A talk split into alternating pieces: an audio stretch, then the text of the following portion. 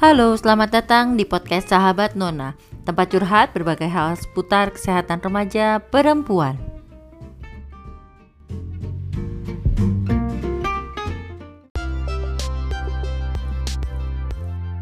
Halo sahabat Nona, melanjutkan episode-episode sebelumnya yang membahas permasalahan seputar menstruasi. Kali ini saya mau bahas tentang haid yang tidak beraturan. Sahabat Nona mungkin suka bingung karena haid kok nggak bisa diprediksi. Kadang maju, kadang mundur, kadang sebulan nggak haid sama sekali, tapi di bulan lainnya bisa sampai dua kali dalam sebulan. Kita bahas yuk. Sahabat Nona ingatkah pembahasan di episode kelima tentang menstruasi?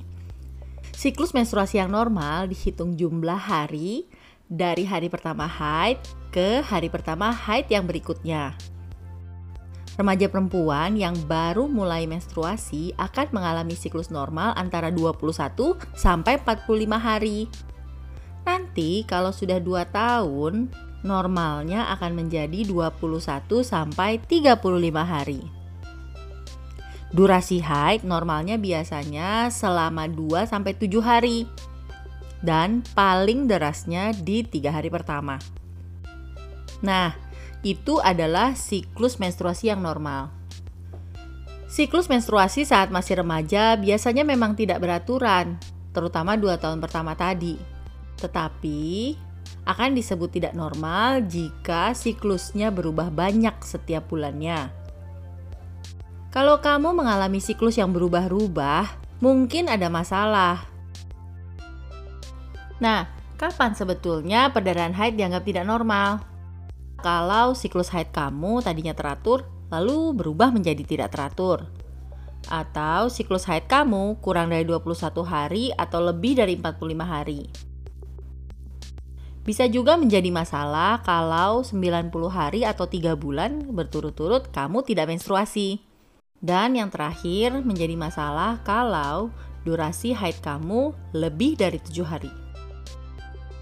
Perdarahan yang banyak dan tidak normal akan membutuhkan pengobatan jika satu, Kamu harus mengganti pembalut atau tampon setiap 1 sampai 2 jam sekali. 2. Durasi haid kamu lebih dari 7 hari. 3. Kamu atau anggota keluarga kamu ada yang memiliki gangguan pembekuan darah. 4. Kamu merasa pusing atau lemas dan kamu tampak pucat. Ada beberapa penyakit yang dapat menjadi penyebab siklus haid yang tidak normal. Ada yang disebut PCOS atau dalam bahasa Indonesia disebut sindroma ovarium polikistik. Selain itu, bisa juga terjadi gangguan perdarahan, gangguan pola makan seperti anoreksia, bulimia, atau olahraga berlebih yang ekstrim, bisa juga siklus haid kamu tidak normal karena infeksi menular seksual, ada tumor di rahim seperti polip, miom, atau gangguan hormon. Jika kamu mengalami gangguan haid, apalagi perdarahan banyak, sebaiknya kamu konsultasi ke dokter umum atau dokter kandungan. Nanti di dokter kamu akan ditanya mengenai haid kamu. Oleh karena itu, penting sekali untuk memiliki diary haid supaya kita bisa menjawab dengan mudah dan jelas kalau ditanya. Di dalam diary haid, kamu harus mencatat hari-hari haid kamu, kapan mulai, kapan berhenti, kemudian semua gejala yang berhubungan dengan haid seperti nyeri haid atau PMS yang kamu rasakan, dan berapa banyaknya haid kamu. Banyaknya haid bisa dihitung dari berapa jumlah pembalut yang kamu gunakan setiap hari. Jadi, kamu bisa menghitung dalam satu hari setiap kali kamu mengganti pembalut. Seberapa banyak sih darah yang mengisi pembalut kamu? Nanti hitung totalnya dalam satu hari berapa pembalut penuh yang kamu gunakan. Selain mengenai haid, dokter juga akan bertanya mengenai riwayat kesehatan kamu dan keluarga kamu. Pertanyaan bisa seputar keluhan saat ini, riwayat penyakit yang dahulu, atau riwayat penyakit kronis yang kamu derita, termasuk obat-obatan yang kamu minum secara rutin. Selain itu, bisa juga bertanya mengenai riwayat operasi atau kehamilan. Selain ditanya-tanya, kamu juga akan diperiksa sesuai dengan kondisi kamu. Kadang cukup dengan pemeriksaan USG atau pemeriksaan organ genital yang disebut pemeriksaan pelvis. Kadang jika dibutuhkan ada pemeriksaan kehamilan, tes untuk infeksi menular seksual, dan dilakukan tes darah. Tes darah biasanya digunakan untuk mengetahui apakah kamu mengalami anemia atau apakah kamu mempunyai gangguan pembekuan darah.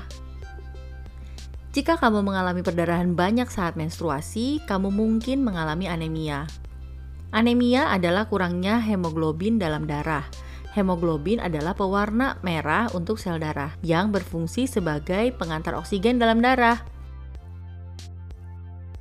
Kalau kamu mengalami anemia ringan, kamu hanya perlu mengkonsumsi tablet tambah darah.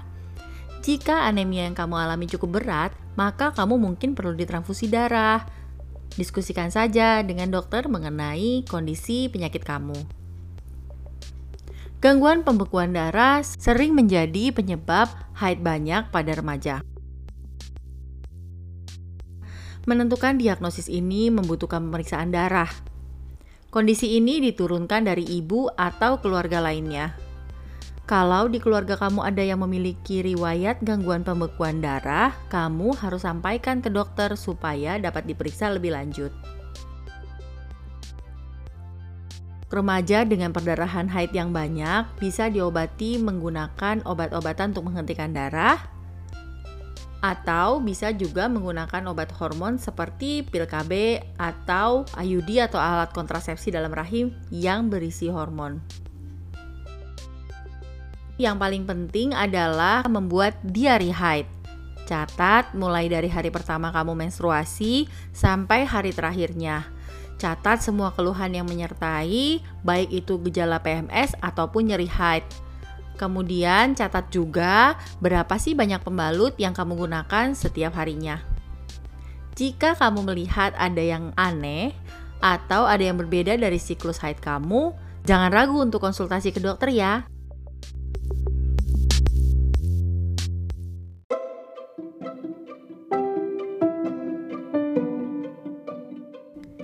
Jika sahabat Nona ingin menghubungi saya, misalnya mau curhat, mau bertanya, ada usulan topik atau mau kasih masukan terkait podcast ini, dapat DM saya di Instagram @dokdiana atau kirim email ke diana.felis@gmail.com.